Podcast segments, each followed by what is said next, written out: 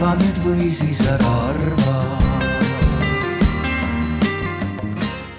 aga me olemegi jõudnud ajaga sinnamaani, kus ma juhatan sisse meie järgmise arutelu, mille nimeks on laste sõnum ÜRO lapse õiguste komiteele kaks tuhat kakskümmend kolm. järgmised poolteist tundi on kaasav arutelu, kus te saate kõik sõna sekka öelda, seega ma igaks juhuks mainin veel, et tulge julgelt lähemale, nii palju kui võimalik ja teeme ühe aplausi ka meie inimestele, kes siin äh, kohal on, arutelus osalejad on siis Marilyn Lempu, Andra Reinomägi ja Margit Sarv, teeme neile ühe suure aplausi. olge lahked, lava on teie. aitäh, Roger. Ehm, tere, ehm, mina olen Andra, ehm, olen õiguskantsleri kantselei laste ja noorte õiguste osakonnas nõunik. õiguskantsler on teadupärast laste ombudsman Eestis ja üks äh, lasteombudsmani rolle on see, et äh, ta võimendab laste ja noorte häält ühiskonnale.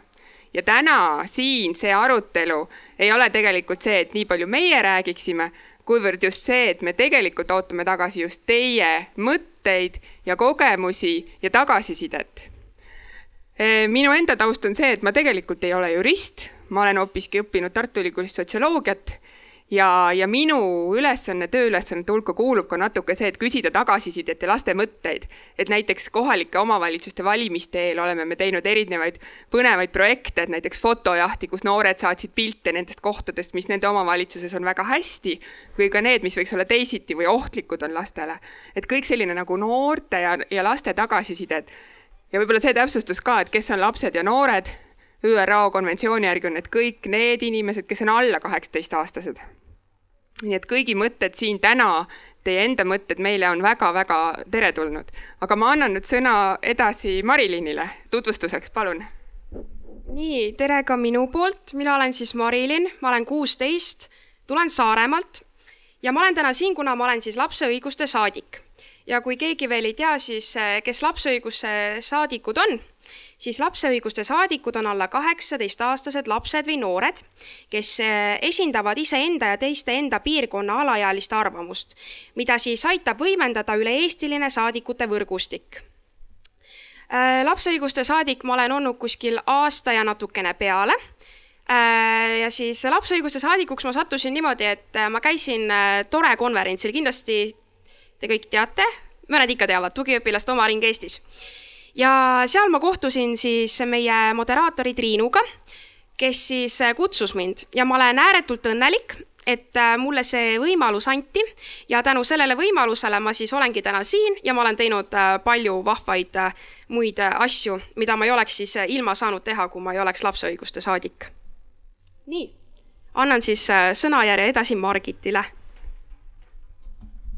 tere ka minu poolt kutsun ka sealt ülevalt mäe ääre pealt alla tulema, et meid saaks siin veelgi rohkem ja meie arvamusi oleks veel rohkem kuulda.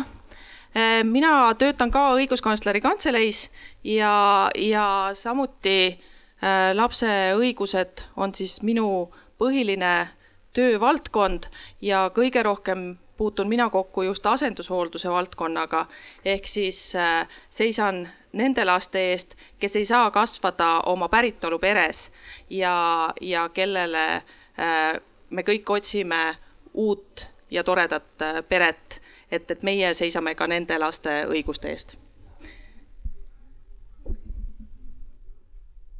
nii, kui minna siis tänase arutelu juurde, siis tänases arutelus me kogume infot ÜRO lapse õiguste raporti jaoks.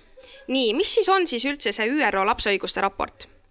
See on siis laste endi ülevaade sellest, kuidas Eesti lastel läheb, millised on laste mured ja rõõmud ning kuidas on nende õigusi, õigused kaitstud ja mis võiks laste elus teisiti olla.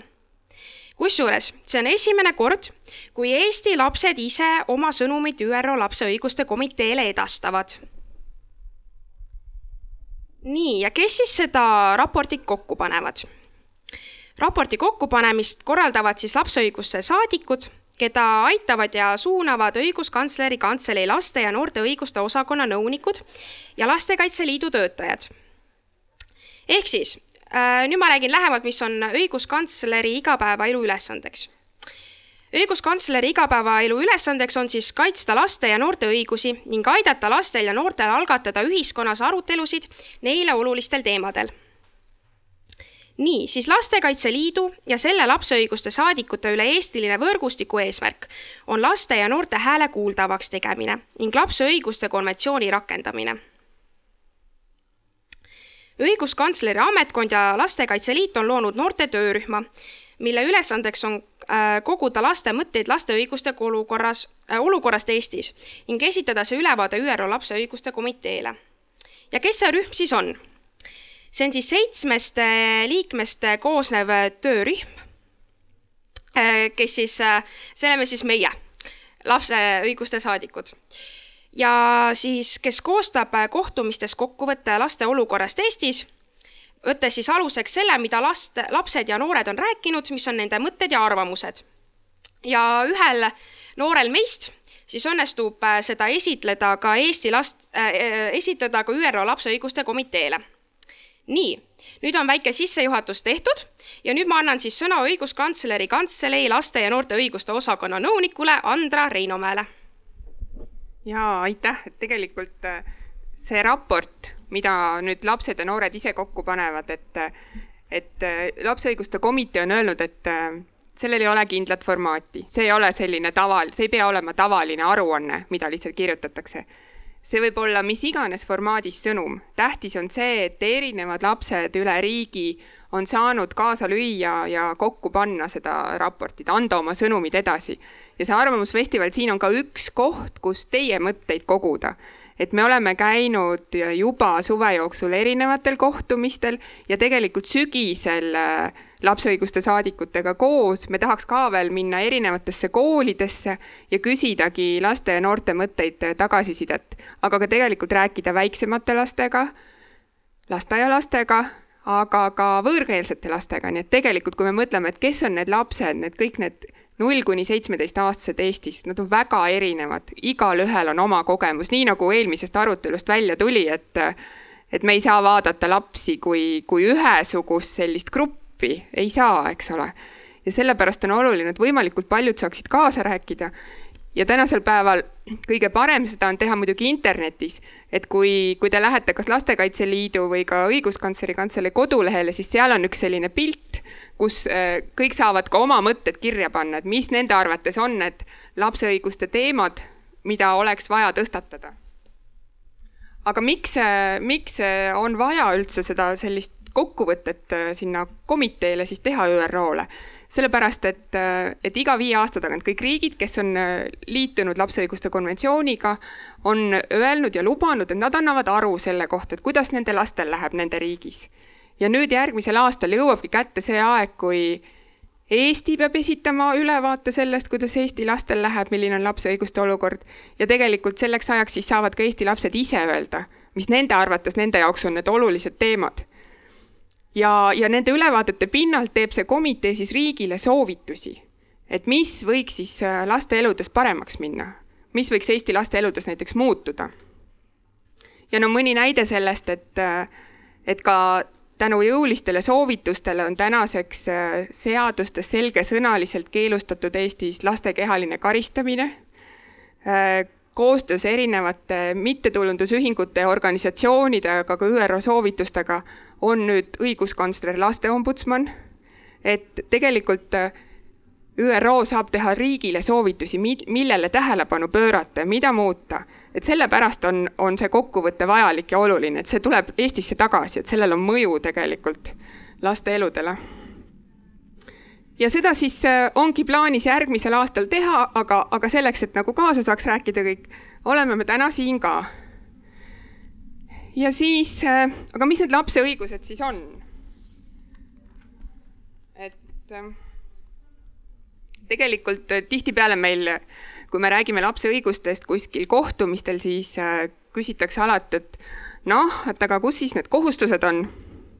ja, ja oma olemuselt lapse õigused on inimõigused ehk et äh, inimõiguste puhul me väga ei kuule seda küsimust, et kus need inimkohustused on.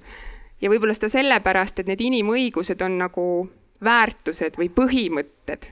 Need ei ole midagi materiaalset, mida saab anda või kelleltki ära võtta. et äh, see on äh, üks inimõiguste põhimõte ka, et nad on kõigil olemas, kõigil inimestel juba sellepärast, et äh, inimene on inimene, sõltumata sellest, milline ta on. kui vana ta on, kui noor ta on, kas tal on tervisemure, kus ta elab, mis keelt ta räägib ja nii edasi, et, et inimõigused on kõigil täpselt ühesugused. ja, ja inimõiguseid ei saa ära võtta, et, et need on kõigil olemas ja need on omavahel seotud, et et seda peab alati meeles pidama, et, et olenemata inimesest on, on, on igalühel need samasugused õigused. aga miks siis nagu eraldi lapse õigused on välja toodud, ongi see, et lapsed tulenevalt oma vanusest või arengust ei suuda alati enda õiguste eest iseenesest seista. see on, see on raske teinekord ja, ja vastutus selle eest, et lapse õigused oleks tagatud lastel ja et lapsed ka ise teaks ja tunneksid oma õigusi, tegelikult see vastutus lasub täiskasvanutel. aga seda saavad ka võtta noored ja lapsed ise sellega, et nad teavad, mis need lapse õigused on.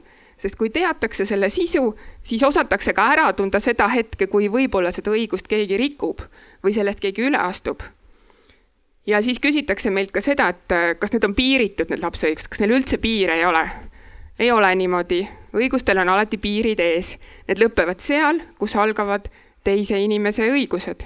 ehk et tegelikult see kohustus, mis nii-öelda lapse õigustega on seotud, seisnebki selles, et äh, igaüks vastutab oma õiguste kasutamise eest ja austab seda, et ka teisel inimesel on tegelikult täpselt samasugused õigused. ja, ja lapse õiguste puhul saab rääkida sellisest neljast pane korraks tagasi veel, sellisest neljast üldpõhimõttest, et äh, mis on nagu kandvad alusprintsiibid lisaks nendele muudele teemadele, mida lapse õigused ka puudutavad. et esiteks see, et äh, igal lapsel on õigus elule ja arengule. see tähendab seda, et äh, et mis iganes olukorras on laps, igal juhul peab teda toetama ja, ja tema kasvukeskkonda, arengukeskkonda toetama nii, et, et ta saaks areneda nii, nagu tema võimed on, lubavad. et oma võimete nii-öelda iseenda parim versioon, nagu Ülle Madise tavatseb öelda. siis see, et kõigil lastel on ühesugused õigused, et kellelgi ei ole rohkem ega vähem õigusi ja, ja ja ühtki last ei tohi tegelikult kellestki teisest halvemini kohelda. võib-olla võib niipidi olla, et mõni laps vajab hoopiski rohkem tuge selleks, et ta saaks äh, teiste lastega võrdväärselt oma õigusi kasutada. aga, aga kõigil on põhimõtteliselt õigus nendele samadele asjadele. siis on kindlasti oluline ka see, et äh, üks põhimõte, et lapse, lastega seotud otsuste puhul, mis puudutavad laste elusid või tegemisi, nende otsuste puhul tuleb alati seada esile lapse parimad huvid. alati küsitakse, mis need on, et kas see on see, mis laps arvab ehm,? mitte päriselt, sest äh, see, mida laps ise arvab, on ka üks osa sellest parimate huvide väljaselgitamisest. ja see on küll üks põhimõte, mis peab alati olema, et laste ja noorte endiga tuleb rääkida kõigist neist asjadest, mis äh, laste ja noorte elusid puudutavad ma arvan, et see on ju loomulik, et me kõik tahame kaasa rääkida asjades, mis meid puudutavad, lähemal või kaugemal määral ja, ja lisaks sellele siis tuleb vaadata ka seda ja hinnata, et, et mis asjaolud võivad veel seda otsust mõjutada, et mis siis see parim huvi nagu kokku tuleks. Aga sealjuures on alati oluline see, et lapse enda hääl kõlaks ka kaasa. Ja seal ei ole vanusepiiranguid, seda rõhutab ÜRO komitee ka, lapse õiguste komitee oma kommentaaris, et eraldi tuleb tähelepanu pöörata ka väikelastele, kes võib-olla ei ole sõnaliselt nii võimekad või ei oska ka kõiges nagu täpselt väljendada oma mõtteid, et siis tuleb kasutada selliseid vahendeid, millega lapsed lihtsalt saavad öelda, sest tegelikult ju ka päris väiksed beebid annavad märku sellest, kui neil on halb või, või kui neil on hea olla. ja, ja siis võib-olla see lõppu lisaks arvamuse avaldamise juurde ka see, et, et tuleb arvesse võtta ka laste nii-öelda arenevate võimete põhimõtet et mida vanemaks sa saad, mida rohkem on sul kogemusi, seda rohkem sa tegelikult ju tead ka, mida sa soovid ja sa seda rohkem oskad ka põhjendada, miks see sinu arvates hea valik on. Ja siis seda tuleb arvesse võtta, et, et mida vanem ja kogenum on laps, seda enam saab tema äh, arvamust usaldada ja seda enam saab tegelikult ka anda vastutust lapsele endale nende otsuste eest. aga mis need õigused siis on? ja millest me siin täna võiksime teiega rääkida või, või kui te mõtlete ka enda kogemuste peale, et mis on need valdkonnad, mis osas äkki teil tuleb mõtteid, äh, võiks tagasisidet anda. Sellest osalusõigusest ja õigust, õigusest avaldada arvamust ma juba rääkisin, eks ole. see peaks olema igal pool, igas vanuses lapsele võimalik. sest noh, nii nagu me ka eelmises arutelus kuulsime, et tegelikult äh, on oluline see, et ka hariduses ja huvihariduses räägiksid lapsed ise kaasa selles osas, kui palju ja mida nad soovivad teha ja miks nad seda tahavad teha. et see ei oleks ainult vanemate või, või treenerite või, või õpetajate otsus. Ja samamoodi on lastel õigus ka teabele, see tähendab seda, et, et see, mis neid puudutab, et nad ka teaksid seda, noh näiteks kui me käime arsti juures, et siis tegelikult äh, arst selgitaks lapsele ka seda, et et mis toimub, mis tehakse, mis on tema tervise olukord, millised on tema valikud ja mis nende valikute tagajärg on. ehk see, et tegelikult laps saab aru, kus ta on, mis ta teeb ja, ja mis valikute vahel tal on valida näiteks.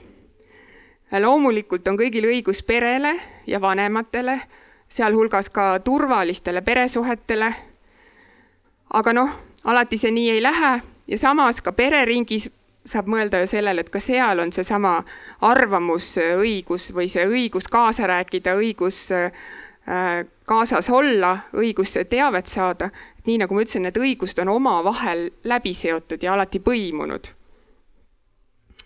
Nii tervisest ja arstiabist ma juba ka natuke rääkisin, et seesama, eks ole, et et tegelikult kui lapsega kenasti rääkida ja selgitada, mis seisund tal on, mis ravi ta võiks saada või vajada, siis tegelikult äh, mida vanem on laps, seda, seda paremini saab ta ka kaasa rääkida ja on võimeline aru saama sellest, millised tema valikud on. nii et tegelikult äh, juba teatud vanuses, kui perearst hindab, et, et laps oskab äh, ise vastutust võtta selle eest siis tegelikult äh, võib see laps täitsa julgelt ise nendes raviotsustes ka kaasa rääkida. Äh, õigus haridusele, Eestis on tegelikult ka seadusest tulenev kohustus koolis käia, aga see haridus siin lapse õiguste mõttes on palju laiem, et see tähendab ka seda, et, et on võimalus lasteaias käia, on võimalus huvihariduses osaleda, et see õigus haridusele on, on selline, tuleb seda laialt võtta. Ja üks oluline asi, mida välja tuua, on kindlasti lapse õigus vabale ajale ja puhkusele ja mängule. et kui me siin eelmises arutelus kuulsime ka seda, et lastepäevad on tihedad ja pikad ja nad on väsinud, kui nad jõuavad sinna huvikooli või huviringi, et siis tegelikult noh, see on ka kõikide täiskasvanute ülesanne ja vastutus, et, et vaadata, et lapsel jääks üle piisavalt palju puhkamise ja mängimise aega. et see mäng on selline tegelikult selline loovuse aeg ka, mida, mida on arenguks vaja. loomulikult on lapsel õigus äh, turvalisusele, et mitte mingisugune vägivald laste suhtes ei ole lubatud, ei vaimne ega füüsiline. Et seda turvalisust siin tuleb mõelda samamoodi kõige laiemalt. ja, ja ka need elamistingimused ja kodud, kus lapsed elavad, et need peaksid olema sellised laste arengut ja ja, ja tervist toetavad, et eh, igalühel on õigus ka omale, oma kodule ja inimväärsetele elamistingimustele ja toimetulekule. Ja kui me räägime sellest, et eh, ka lastel võivad olla kokkupuuted kas politsei või kohtu või kinnipidamisasutustega, et ka seal tuleb samamoodi neid lapse õigusi silmas pidada ja austada. lapsel on ka seal õigus saada infot selle kohta, mis toimub, eh, mis tema ütlustest edasi saab tal on õigus võtta ühendust oma vanemaga, et seda kõike tuleb ka lastele tegelikult selgitada.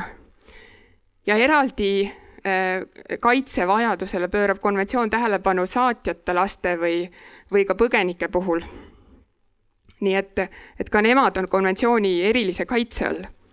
et need on need mõttekohad või nii-öelda sõnu, märgilised äh, õigused, mida, mille peale võiks mõelda kui, kui te mõtlete nüüd selle peale, et mis teie igapäevaelus toimub või, või mida siis tegelikult Eesti laste elu kohta võiks välja tuua. Aga nüüd ma tahaksingi teha ühe katse tegelikult. ja lõpetan ära siin rääkimise ja annaksin hoopiski mikrofoni Margitile. ja Margit tuleb teie juurde ja nüüd on see koht, kus teie saate rääkida ühe loo ja Margit tõlgib selle õiguste keelde. proovime umbes noh, mõnede lugude näitel kümme-viisteist minutit, kuidas välja tuleb? palun. kas seda mikrofoni on kuulda? Jah, et nüüd oleme meie piisavalt rääkinud ja, ja tõesti, me nüüd pigem tahaksime kuulata teid. ja kõige selle jutu valguses võib tõesti tunduda, et, et see on mingi kauge maailm, seadused, konventsioonid, kuidas see puudutab mind ja minu igapäevaelu. ja nüüd mul oleks väga hea meel, kui mõned teist oleks valmis rääkima natukene oma elust. et äh, mul on siin esimesed ohvrid juba välja valitud. Proovin mitte minna sinna kõlari ette. nii, kes teist kolmest on valmis rääkima oma ühest tavalisest suvepäevast, näiteks äh, möödunud esmaspäevast? kuidas see välja nägi?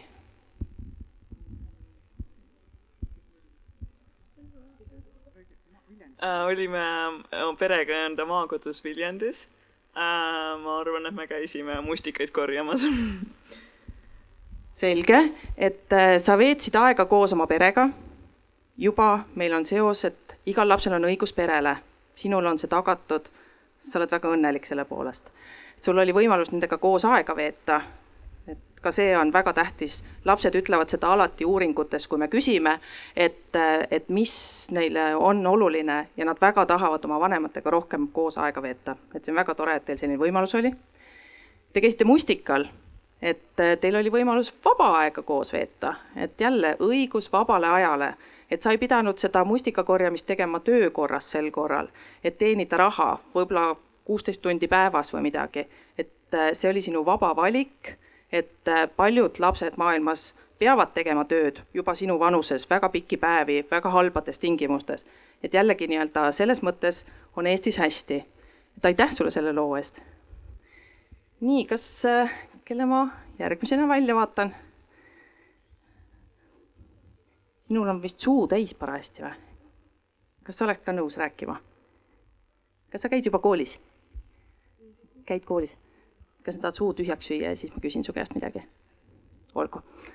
et mina küsiks sinu käest, et, et sa räägiks mõnest oma tavalisest koolipäevast, et näiteks kuidas näeb välja sinu kolmapäev tavaliselt, kui on kooliaeg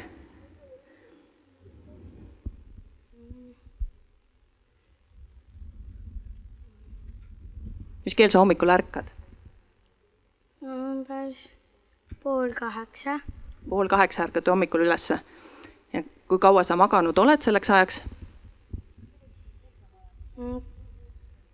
kell üheksa lähen magama umbes. siis tundub küll, et sul on hea pikk ööuni olnud, see on väga tähtis, et äh, jällegi õigus puhkusele ja õigus tervisele, et väga tähtis on laste tervisele see, et saaks piisavalt ka magada. Ja siis, mis sa teed pärast seda, kui sa üles ärkad hmm.? teen hommikused asjad ära ja lähen kooli. ja mis need hommikused asjad on? hammaste pesemine ja söömine. just, et äh, hammaste pesu on jälle osa õigusest tervisele, et äh, mitte ainult teised ei pea kaitsma meie õiguseid, vaid me ise peame ka seisma selle eest, et meie näiteks õigus tervisele oleks tagatud, et meie hambad oleks korras, et me peseksime neid ja söömine on ka tähtis, sest see annab sulle jõudu siis terve ülejäänud päev koolis vastu pidada. kuidas sa kooli lähed? Äh, jala tavaliselt. no väga tore, sinul on vedanud, et sa saad jala kooli minna. see on küll väga tore. aitäh sulle nende vastuste eest, et me jõudsimegi välja näiteks kooli juurde, õigusharidusele, nagu ka Andra rääkis.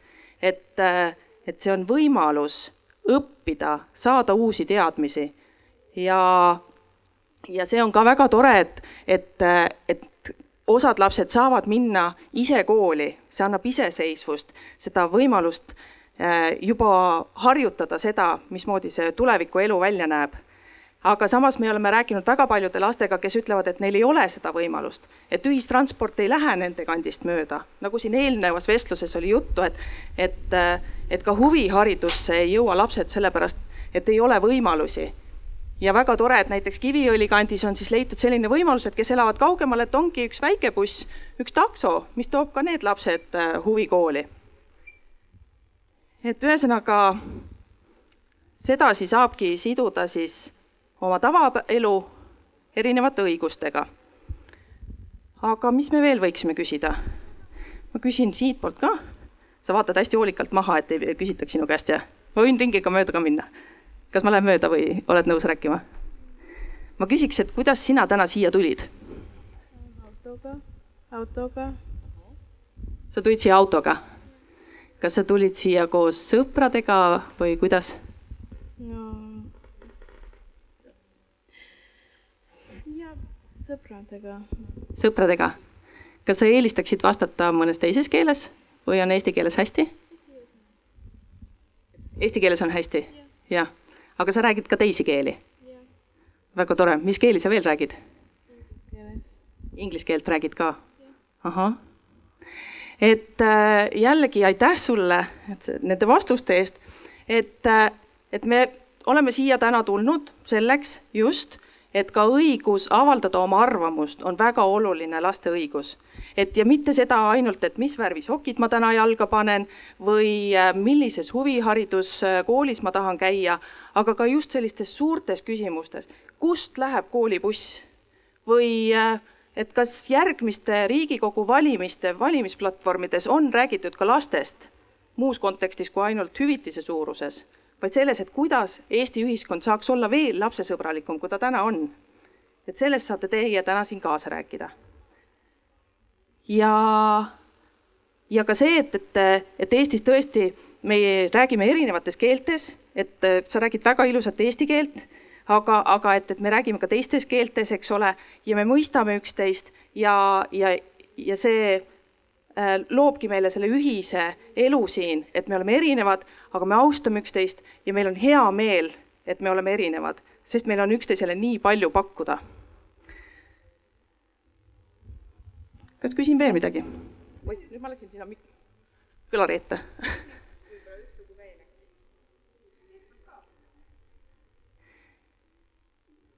kes on veel alla kaheksateistaastased? ahah. No siis ma lähen siia taha, sest äh, sina tõstsid käe, et sa oled noorem, jah? ahah ehm,. sinu käest ma siis küsiks, et, äh, et räägi mõnest oma hobist või äh, huvist väljaspool kooli, mõni lugu? ja et äh, ma käin siis õmblemas äh, ma ei tea, seal Kullos siis Tallinnas äh,. ja, ja siis ma käin veel korvpallis, siis ma käin jõusaalis, siis ma käin väitlemas ja siis ma olen ühtlasi ka skaut. ahah, ja kui äh, sa peaksid nendest ühe valima, siis mis sulle tundub kõige olulisem? mulle endale vist meeldib jõusaal. ahhaa, selge. no sina jõuad küll väga palju, tundub.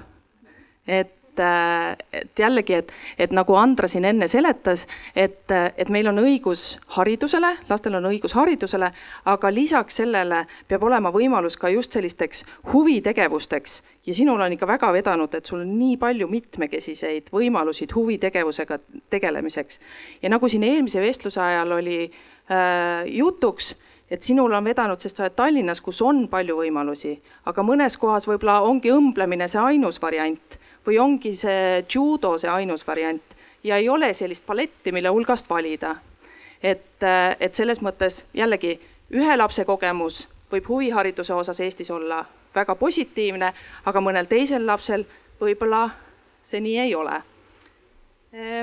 kas keegi tahab veel mõnest oma tavalisest päevast rääkida?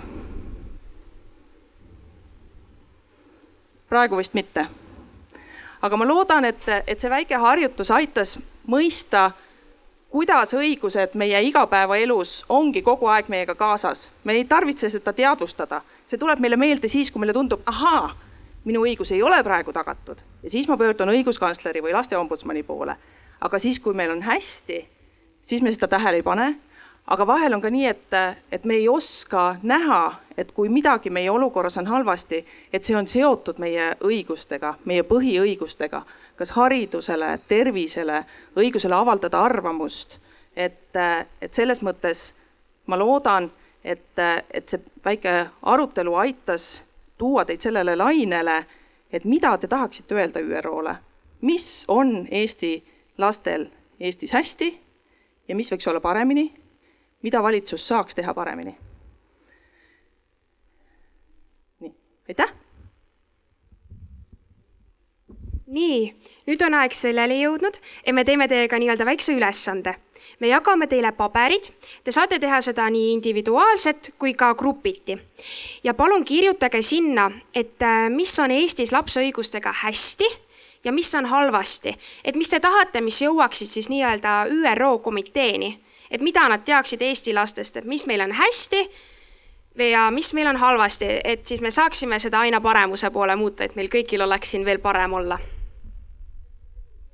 ja pärast saat-, käime siis teie juures või tulete siia ette ja siis te loete need meile ette, paneme ka siia paberi peale kirja ja jah, nii et olge tublid. ja pärast siis kuulame teie mõtteid.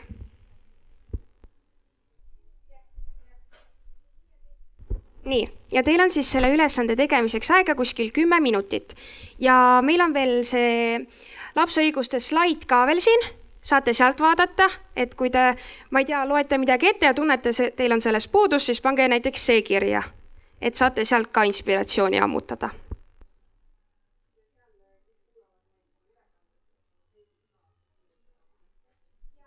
Siis need, kes meid ülekande kaudu kuulavad, siis te saate ka veebis meiega oma mõtteid jagada. et siin on see link siis ja siis pange see hashtag noorte, noorteala ja siis seal saate ka meiega oma mõtteid jagada.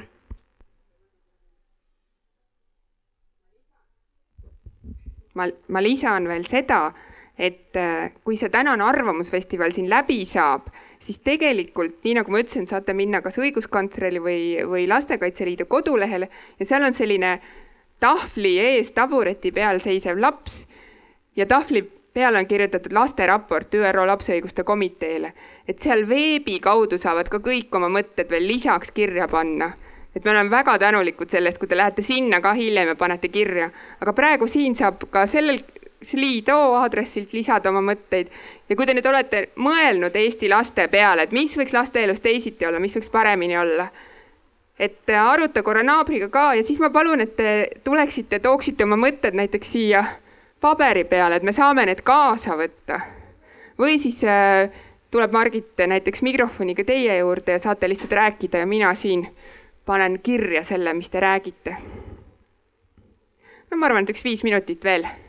Mõelge rahulikult, mis võiks olla laste elus paremini või mis on Eesti laste elus hästi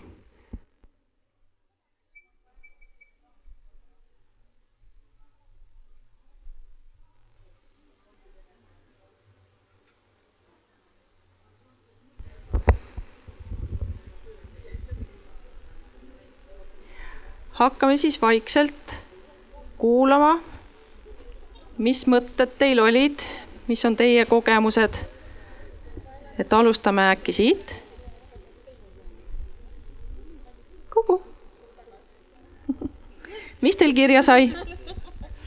meil sai kirja, et mis meil hästi on, on see, et meil on turvaline keskkond Äh, lapsed on küllaltki iseseisvad, et ma võin minna üksi kooli, huvikeskusesse, noortekeskusesse ja tasuta haridus.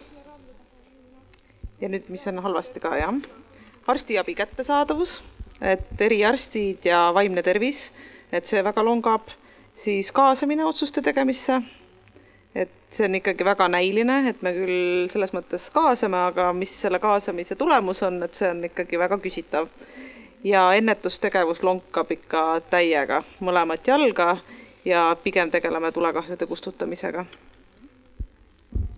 kas sa võib-olla sellest viimasest äh, räägid natuke pikemalt, et, äh, et mis, mis võiks, kuidas see võiks olla paremini näiteks no erinevatel aladel, kui me räägime siin näiteks äh, sõltuvuskäitumisest, et äh, uimastiennetus, et äh, see ei ole see, et me räägime sellest tagantjärgi või teeme mingeid üksikuid kampaaniaid, vaid see on ikkagi pikem protsess, pidev protsess, mis peaks olema ka koolis väga tugevalt või seksuaalharidus.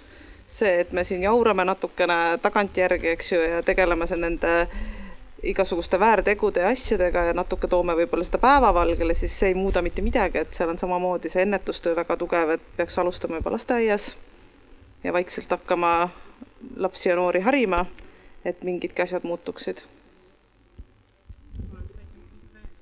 jah, kohe tulen lähemale selle ennetuse teema pealt veel lisaks ka, et, et just, et tead-, tead-, teadmispõhine ennetus, et mitte nii samamoodi, et mitte need sutsakad, mis tegelikult teaduspõhiselt on näidanud, et need töötavad ka sageli vastupidi, vaid ongi, et sa võtad mingid pikaajalised programmid ja, ja nagu teadlikud programmid, mitte ei kasuta tegelikult võib-olla vastupidi töötavaid selliseid noh, kiirkampaaniaid. See, et me kutsume kooli korra, korraks ühel päeval aastas politsei, et rääkida, et suitsetamine on halb, et tegelikult teaduslikult ju see on tõestatud, et see ei tööta et sellega tuleb tegeleda pigem hoopis õpetame lastele ei ütlemist ja kõik muud sotsiaalsed oskused, mis aitavad tal sellistes olukordades hakkama saada, et kui keegi mulle midagi pakub, eks ju. et ma oskangi ei öelda, kui ma tahan öelda ei, et ma olen piisavalt julge selleks ja et kõik sellised teemad, et et tuleks nagu võib-olla jah, nagu laiemalt nendest teemadest rääkida, et mi-, mis nagu nende teemade juures on oluline. et kuidas me päriselt saame neid lapsi ja noori aidata selleks, et nad teeksid neid õigeid ja turvalisi valikuid tulevikus just, et lapsed peavad olema kaitstud äh, meelemürkide eest ja, ja, ja vägivalla eest ja, ja me saame ise anda väga palju lastele neid oskuseid, kuidas ennast kaitsta, et mitte ainult meie ei kaitse täiskasvanud, vaid ka lapsed ise mm. -hmm. nii, ja siis äh, neid kleepse, jah. ma tulen küsin teie käest, mis teil kirja sai siis no ma räägin. tahad sa kumba rääkida? ma võin halvasti. räägin halvasti siis. nii. alustame siis halvast, et äh, halb on meil siis nii-öelda vaimne tervis, kuigi see on tegelikult igal pool äh, halb siis äh, bussiliiklus äh, rohkem selles mõttes, et äh, maakohast, kuna ma ise olen Hiiumaalt, siis näiteks meil mõni buss liigub ainult iga kolme tunni tagant ja, või siis, kui ma näiteks kuskile teise Hiiumaa otsa tahan minna, siis näiteks hommikul kell seitse mul läheb buss ja õhtul võib-olla üheksast tuleb alles tagasi. ja maakohad samuti surevad välja, sest et noored lihtsalt lähevad ära. ja siis halb on veel, mis siin kirjas on? Näiteks lasteaia järjekorrad et äh, neid on väga raske saada või siis näiteks kui laps sünnib, et siis lapsed, vanemad peaksid nagu kohe mõtlema sellele, et panna laps lasteaeda, kuigi tegelikult noh, see süsteem on lihtsalt natuke imelik minu meelest. ja siis on need erivajadustega lapsed, kellel äh, võib-olla on natukene nagu kõrvale jäetud, kuigi nüüd natuke rohkem hakatakse nendega tegelema aga, aga muidu nad on nagu kuidagi niimoodi kõrvale jäetud minu meelest hetkel äh,. hästi on meil siis äh, arstiabi ja, ja see hammaste tervis, sest et või no pigem just arstiabi, sest et äh, me ei pea selle eest maksma. kuigi jaa, et EMO-s sa võid oodata küll mingi kaks-kolm tundi, aga ikkagi me ei pea maksma selle eest. siis on äh, teiste riikidega võrreldes on turvalisus. et äh, me saame ikkagi, väiksed lapsed saavad ise minna poodi. niimoodi, et ei, ei küsita, kus su ema või isa on või et politsei tuleb, mis iganes. ja siis on äh, haridus on ka nii-öelda võrreldes siis teiste riikidega suhteliselt hästi läinud. jah. me saame tegelikult näiteks kooli juures ongi see, et äh, me saame näiteks ise valida, kuhu kooli me läheme ja näiteks okei okay,, meil on küll Eestis nagu see, et me peame kuni põhikoolini kindlasti õppima, aga see on sinu enda vaba valik, et, äh, et kas sa lähed edasi kutsekooli, gümnaasiumisse, ülikooli, et mis sa nagu üldse edasi teed, et, äh, et see on ka nagu lapse iseenda kujundada. aitäh ja just, et äh, tihti ka küsitakse, et miks on kool kohustus äh, ja, ja lihtne vastus on see, et tegelikult äh, ta mitte ei taga ainult õigust haridusele, vaid ta tagab ka kaitse ekspluateerimise eest. et, et nendes riikides, kus lastel on kohustus koolis käia, ei saa nad samal ajal minna lapsena tööle näiteks. ma ei tea, kuidas ma tööjutuga alati sinu juurde välja jõuan jälle nii, mis sinul kirja sai? Meil siin kamba peale tuli kokku, et äh, näiteks halb on see, et äh, keeleõpe on üsna puudulik, et äh, võiks nagu eriti vene keel võiks olla nagu parem. et isegi kui oleme mitu aastat õppinud, siis ikkagi tase on A0 suht või nagu täitsa algajad. Siis veel see, et koolides võiks olla nagu põhikoolides just võiks olla valikaineid, sest et paljudes koolides seda ei ole ja minu koolis näiteks ei olnud ja nagu ma natuke kahetsen või nagu jah, et oleks tahtnud. Siis äh, minu arvates on hea see, et äh, koolivaheaegu on piisavalt palju või need on nii tihti, et äh, iga kord, kui järg-, nagu üks lõpeb, siis varsti tuleb juba uus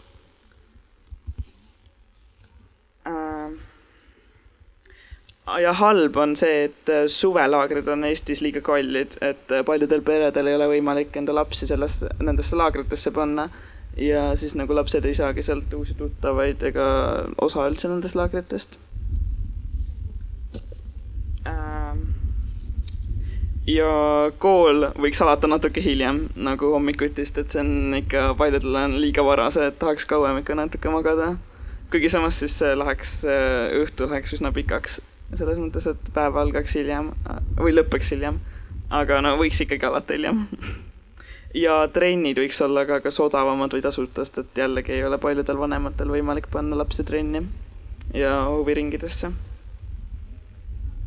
Äh, ja koolides võiks korraldada rohkem nagu ekskursioone ja reise, et paljud koolid ei tee väga väljasõite. Äh, ilmselt üks aastas on kohustuslik, aga rohkem väga ei tehta et ühesõnaga, et valikuvõimalusi koolis võiks olla rohkem, et valikaineid, väljasõite, selliseid teistmoodi võimalusi õppimiseks. et, et sellised mõtted ja, ja kui siin enne toodi välja just seda turvalisust ja Eesti laste iseseisvust, et see aitab meil tagada, et meil on nii pikk suvevaheaeg. et paljudes riikides on suvevaheaeg lühem just sellepärast, et vanematel ei ole võimalust luua sellist turvalist keskkonda oma lastele, kus nad siis oleks, kui nad koolis ei ole, on ju, et et see on jah, õige. aga jah, need äh, kulud on, eks ole, suured, et, äh, et see kindlasti sai meil kirja. aitäh.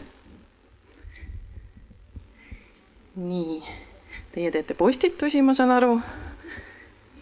ma tulen küsin sinu käest, mis sinul kirja sai? või sa tahad panna ainult äh, paberile, oled valmis rääkima? No hästi on siis kindlasti tasuta põhi- ja keskharidus ja et on võimalus tasuta tervishoiuteenustele ja on äh, turvaline. paremini võiks olla siis äh, psühholoogilise, psühhiaatrilise abi kättesaadavus, aga ma lisaksin, et, et õnneks on nagu viimastel aastatel tehtud ka palju edusamme sellega seoses. aga kindlasti saaks rohkem teha. aga mida sa näiteks edusammuks pead, mis sa tunned, et on hästi tehtud? No on erinevad äh, telefonid ja nõustamiskeskused ja et mida varem ei olnud, et sealt saab kiiremini abi, et kui on kohe vaja just, et see tervishoid ja tasuta tervishoid on siin ka mitu korda kõlanud ja see on ka võib-olla üks koht, kus me saame üle rõhutada, et kõikidele alla üheksateistaastastele lastele on hambaravi ka tasuta. et, et kui äh, hambaravikliinikul on leping Haigekassaga, et, et siis ei pea maksma laps äh, hambaravi eest. et seda paljud ei tea, et, et seda on alati hea üle rõhutada. aitäh. oli sul veel midagi? ei olnud mm? -hmm. nii, kelle juurde ma veel ei ole jõudnud? kas te panite ka midagi kirja? ei pannud midagi kirja, ah, õige, sina ei tahtnud panna, selge, selge. nii, aga kas ma nüüd sain? kas ma küsisin kõikide käest? Kõikidel on vist juba kõhud tühjad, põhiõigus süüa äh, surub tagant. et on juba lahkutud parematele jahimaadele, kust saab head ja paremat. ma ei tea, kas sa kuulasid ka meie vestlust, et äh, tahad see, selge, olgu. aga aitäh kõikide nende mõtete eest. kas äh, postitid said kõik kokku korjatud teie heade mõtetega?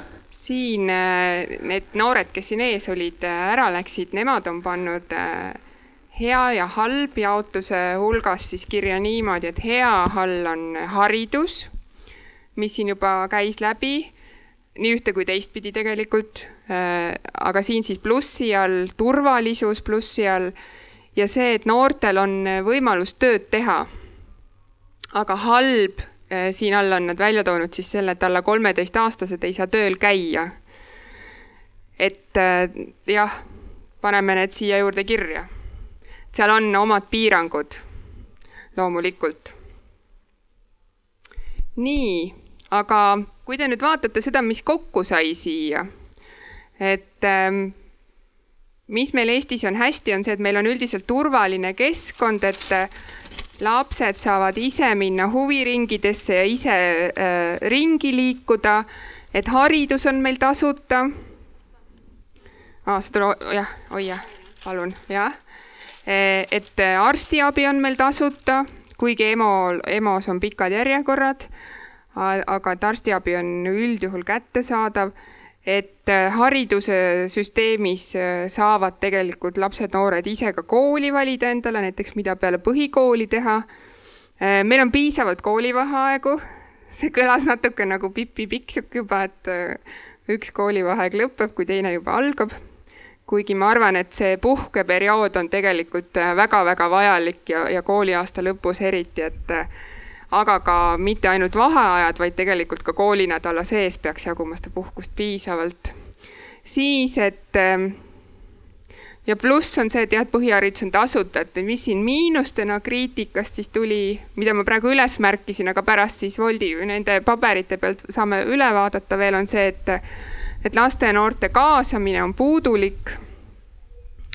See tuli ka tegelikult ühest äh, küsitlusest välja, kui me küsisime laste-noorte käest, et kui paljudest äh, teemadest te saate kaasa rääkida ja kui paljudest tahate kaasa rääkida. et siis näiteks koolielu puudutavate küsimuste puhul oli see vist ligi üle viiendiku neist, kes ütlesid, et nad tegelikult ei tahagi kaasa rääkida, et see on täitsa mõtlemise koht, et miks see siis nii on ennetustegevus on puudulik, ehk siis see, et äh, lapsed ja noored ise oskaksid turvalisi valikuid teha. Ja et see õpetus oleks siis ikkagi nii-öelda teadmistepõhine ja teaduspõhine ja, ja, ja kindlate programmide kaudu toimuks, mitte juhuslik, mis, mis võib tegelikult rohkem kahju teha. siis äh, kindlasti kriitika ja probleemi alla läks vaimne tervis, laste-noorte vaimne tervis siis kõik see ligipääsetavus ja, ja ka kaasas olemine ja osalemine, et see bussiliiklus maapiirkondades, et noored lahkuvad maalt.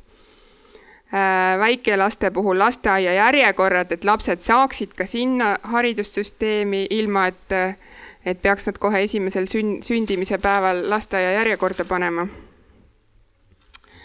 e,. erivajadustega laste toetamine ja et erivajadustega lapsed oleksid ka kaasas ühiskonnas rohkem, kui nad praegu on.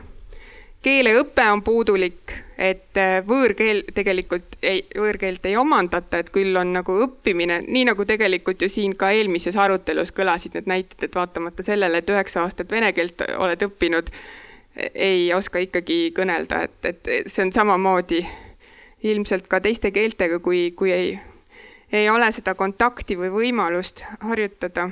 Põhikoolides võiks olla valikained, et see oli see, et on kahju, et ei, ei ole nii palju valikained, aga võiks juba olla, tahaks, on juba oma huvisuunad.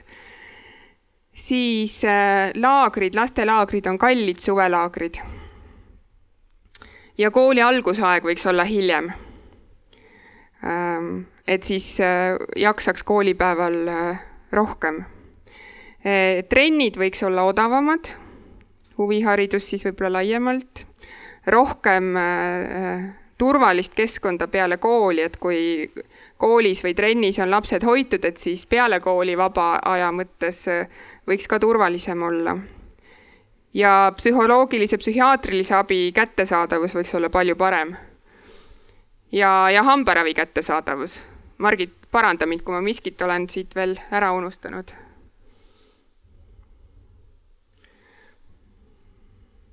kuidas sulle tundub, Marilyn, kas miskit veel? Ma küsin sinu käest võib-olla, Marilyn, et me tegime sedasama asja, kui me kohtusime lapse õiguste saadikutega esmakordselt, et üldse arutada, et kuidas äh, laste-noorte häält selle raporti jaoks kokku koguda ja mida teha, siis tegelikult neid samu teemasid ja lapse õiguste kohta küsimusi me küsisime ka seal kantseleis, et, et äh, kas sa mäletad, mis, mis need teie mõtted toona olid ja mis, mis te välja tõite tookord? või mis sina välja tõid tookord? Äh, ma mäletan seda, et äh, hästi palju, palju oli juttu jälle koolist ja haridusest. siis äh, me tõime välja seda, et tervisehoid on puudulik, siis et koolis on puudulik see, et kogu aeg ei ole näiteks medõde koolis ja õpetajad ei ole siis nii-öelda piisavalt teadlikud selles valdkonnas. et seda võiks juures olla, siis see demos peab nii kaua ootama ja üleüldse oligi see kool ja siis äh, tervishoid see, mis äh, meile muret tekitasid. jaa. ja siis jah, et see vaimne tervis äh, tuli sealt nagu hästi välja, et kõik see koroonaaeg oli väga keeruline ja, ja raske. nii, nii lastele ja noortele kui ka täiskasvanutele kas äh, kellelgi on veel mõtteid, et mis, äh, nüüd me oleme arutanud siin erinevatel teemadel, et mis need teemad veel võiks olla, mida tegelikult Eesti laste elust äh, peaks praegu esile tooma, välja tooma, mis võiks olla teisiti või mis, mis on hästi? täiskasvanud ka siin, kes juba on, et rääkige kaasa, et mis need teie mõtted on. Margit, äkki sa lähed, küsid sealtpoolt ka mõtteid juurde sest kõik arvamused on olulised ja kõik saavad kaasa rääkida, meil on arvamusfestival. selles suhtes, et esimene paneel meil oli juba juttu huviharidusest ja sellest, et tegelikult äh, just maapiirkonna lastele võiks olla huviharidus äh, tasuta. Ja, ja see riigi tugi senimaani on olnud ääretult äh, tänuväärne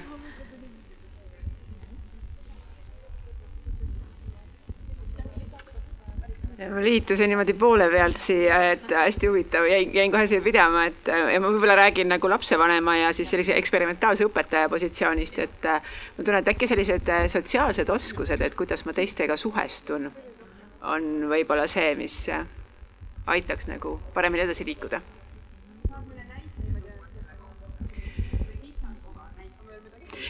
Mm võib-olla jah, et kuidas nagu noh, et iseendast aru saada ja kuidas ennast siis nagu teistega suhestada nii lähisuhetes kui ka siis üldises sellistes eh, meeskondades ja et äh, jah, jah, et enda rollist nagu aru saada keskkonnas. Jah, et see kindlasti aitaks jälle luua seda turvalisust, et öelda õigetel hetkedel ei, kui vaja, või siis ka just, et, et meie suhted oleksid turvalised, et, et seal ei oleks vägivalda, vaid nad oleks toetavad ja et, et see oleks küll jah, väga väärt, sest äh, neid lapsi, kes ikkagi kodus vägivalda näevad, et neid, neid on päris palju ma selle vägivalla kohta lisan veel seda, et, et äh, palju sellest vägivallast ongi varjatud kujul. et äh, ja ka internetis näiteks, et siis see on ka jälle üks näide sellest, kui oluline on see, et lapse teadlikkus, et mis see vägivald on või ka sõbraga suheldes, et seda ära tundes, tunda ja tegelikult siis abi otsida ja lahendusi otsida. rääkida turvalisele inimesele sellest, mis mõtted või kahtlused on, helistada lasteabi telefonile, küsida nõu, et kindlasti mitte jätta seda enda teada et kui siin eelmises arutelus oli ka see näide, kus sotsiaalmeedias teatas laps oma elu lõpetamise plaanidest, siis meil on kantseleis ka üks film, mis, mis räägib samast teemast tegelikult ja seda filmi me käime näitamas alati koos psühholoogiga. ja me näitame seda täiskasvanutele, lapsevanematele tegelikult ja õpetajatele.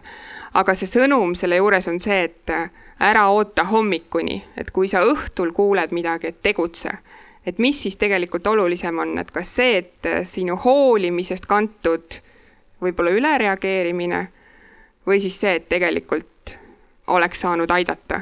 et igal juhul ei maksa oodata, vaid kohe tuleb teada anda, kohe tuleb tegutseda. et see aitab äh, neid, kes on hädas tegelikult.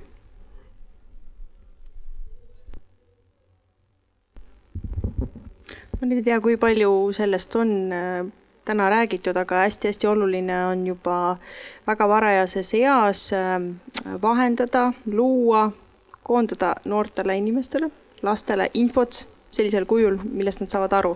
me kõik teame Jänku-Jussi multikaid, me kõik teame erinevaid äh, animatsioone, mis ühte või, või siis teist teemat äh, lastele üsna varajases eas juba selgitavad, olgu see toitumine või liiklusohutus ja nii edasi. aga need teemad, mida käsitletakse, kipuvad olema hästi pehmed et sellised igapäevased teemad, mis on ka väga olulised, aga tihtipeale sellised valusamad teemad, kriitilisemad teemad nagu seksuaalvägivald või üldse vägivald või äh, vaimne terror ja nii edasi, äh, jäävad võib-olla nendest animatsioonidest või sellistest klipikestest tihtipeale välja, sest me ei julge nendel teemadel rääkida, me ei julge neid teemasid ilmselt avalikult nii, nii tugevalt äh, kajastada ja, ja eriti veel õrnas eas lastele ja ma täiesti saan aru, mis see põhjus on või miks, miks me, miks me seda ei tee.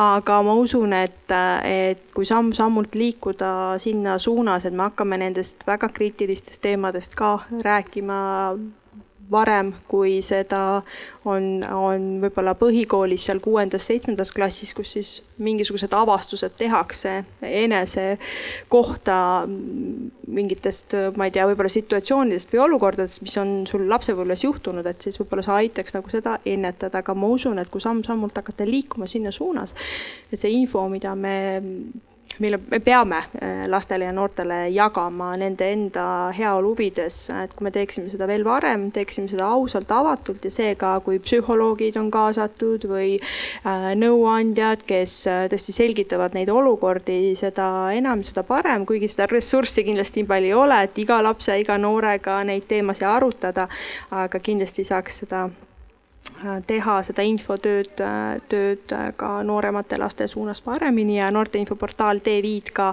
on siin oma esimesi samme astumas ähm, T-Viit juunioriga, mis siis nüüd alustab äh, sügisel äh, tööd ja kus me siis äh, tõepoolest nendel samadel teemadel tahame noortele neile arusaadavas keeles, kujul infot vahendada lihtsalt, lühidalt ja konkreetselt, et, et neid toetada nende iseseisvumisel. aitäh et ühesõnaga T5 on see koht, kust leiate ka palju äh, olulist infot sellises keeles, millest on hea aru saada. Ja võib-olla üks, mida ma siia lisaksin, et kust äh, lapse õiguste olemuse kohta lihtsas keeles, arusaadavas keeles infot leiab, on ka selline infomaterjal, mis on õiguskantsleri kodulehel pealkirjaga Lapse õigused, kus on äh, samamoodi nendest samadest õigustest, mis siin loetletud olid, tegelikult väga lihtsalt kirjutatud ja, ja keda rohkem huvitab, et sinna juurde on ka konventsiooni artiklid ja artiklite sõnastus lisatud. ja selle materjali lõpus tegelikult on ka erinevad äh, kontaktid lisatud, kust abi ja nõu saada. alustades lasteabitelefonist, äh, erinevatest vaimse tervise keskustest, lõpetades äh, advokatuuri ja, ja õiguskantsleri kantseleiga et, et siin taga lõpus on ka kõik need kontaktid tegelikult kenasti toodud. ja mida äh, selle abistamise kohta me ka alati ütleme või mida öeldakse, on see, et, et kõigepealt äh, tuleb last usaldada ja kuulata, tunnustada, et laps on oma loo julenud ära rääkida ja öelda selgelt, et ma, ma otsin abi ja nõu ja, ja teada seda, et mitte ise anda hinnanguid, et kas olukord on nüüd piisavalt kriitiline või mitte, vaid anda see sõnum edasi nendele inimestele, kes tegelikult oskavad kõiki asju kogumis hinnata, oskavad aidata, oskavad näha. äkki seal probleemi taga on midagi palju enamat, kui võib-olla pealispinnal tundub. et selles mõttes kindlasti alati ka lasteabitelefon on see, kuhu kakskümmend neli seitse saab alati pöörduda aitäh, ma nüüd korraks olin küll ära, aga, aga enda hea kolleegi Kadri mõtet ka võib-olla jätkates, et, et ma arvan, et hästi oluline ongi levitada infot just see, selles osas, et kuhu pöörduda, et, et kui ka ise ei tea, kuidas täpselt reageerida või seda olukorda hinnata, et siis oleks vähemalt see teada, et, et kuhu ma selle, selle teadmisega pöörduma pean. aitäh. aitäh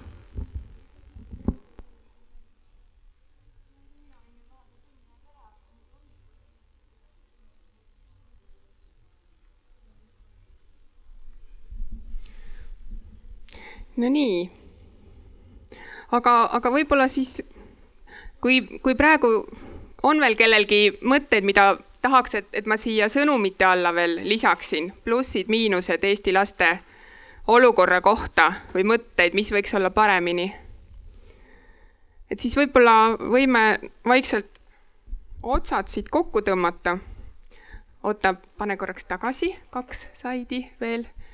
et, äh, et veel on aega kõigil rahulikult, praegu suvi kestab, et sügisel me kindlasti tuleme laste ja noorte juurde veel üle Eesti, aga, aga kõigil on võimalus minna internetti ja siis kas Lastekaitse Liidu või õiguskantsleri kodulehelt leida üles selline äh, bänner musta tahvliga, kus sees on poiss tabureti peal ja kuhu tahvlile on kirjutatud äh, lasteraport ÜRO lapse õiguste komiteele. Ja seal on tutvustatud seda, et mis asi see on, miks see on ja sinna saavad kõik äh, vastata küsimusele selle kohta, et mida võiks sinu arvates ÜRO lapse õiguste komitee Eesti laste olukorra kohta teada et mõtle Eesti laste peale, kõik, Eesti laste all me mõtleme siis kõiki lapsi, kes Eestimaal elavad, kes siin Eestimaal on. ja, ja kirjuta, kui hästi on sinu arvates äh, Eestis olevate laste õigused tagatud. ja, ja veel ma tahan öelda sinna lõppu, äh, kus meil see on, järgmine slaid. et, äh, et küsimus, et kes aitab mul oma õiguste eest seista, et kui sa ei ole kindel selles, kuhu oma murega võiksid pöörduda, et siis lasteabi telefonilt saab head nõu ja, ja lapse õiguste kohta saad siis lisainfot tegelikult õiguskantsleri kodulehelt, kus on äh, nii laste õigused kui lapsevanemate õigused, erinevad infomaterjalid kokku koondatud. ja mina tänan. ma annan Marilini viimaseks sõnaks mikrofoni, et äh, aitäh teie sisendi eest. kuidas tundub, Marilyn, kas äh, sai materjali raporti jaoks? Äh, sai küll, väga head materjali sai. ma tänan teid kõiki ka omalt poolt, et te nii vahvalt kaasa töötasite. väga tore oli seda suminat kuulata, kui me teile selle ülesande andsime. et see oli ääretult tore. ja ma, ja kindlasti me lubame, et need sõnumid Äh, jõuavad siis äh, sinna ÜRO raportisse, mida me siis äh, järgmisel aastal siis nii-öelda paneme kokku, saadame ära ja esitleme komiteele seda. Nii et veel kord suur-suur aitäh teile kaasa rääkimast ja kaasa mõtlemast ja arutamast. ja näeme siis veel kunagi. jah, ja veebis saate siis ka veel oma mõtteid jagada, et kui teil lähete koju, sõidate ja seedite, seedite seda, mida te siin kuulsite ja tuleb äh, mõni hea välgatus pähe, siis kindlasti pange see ka meile kirja. nii et suur-suur aitäh teile kaasa töötamast. See on siis meie poolt. ja teeme ühe suure aplausi ja nüüd äh, järgmise kahekümne minuti jooksul, kuniks meil hakkab järgmine arutelu, siis käige kindlasti läbi meie tegelevusseinast ja ka meie fotoboksi juurest. ja rääkige inimestega juttu ja juba kahekümne minuti pärast hakkab meil väga-väga põnev arutelu, nii et kutsuge kõik sugulased kohale. selge see, et ega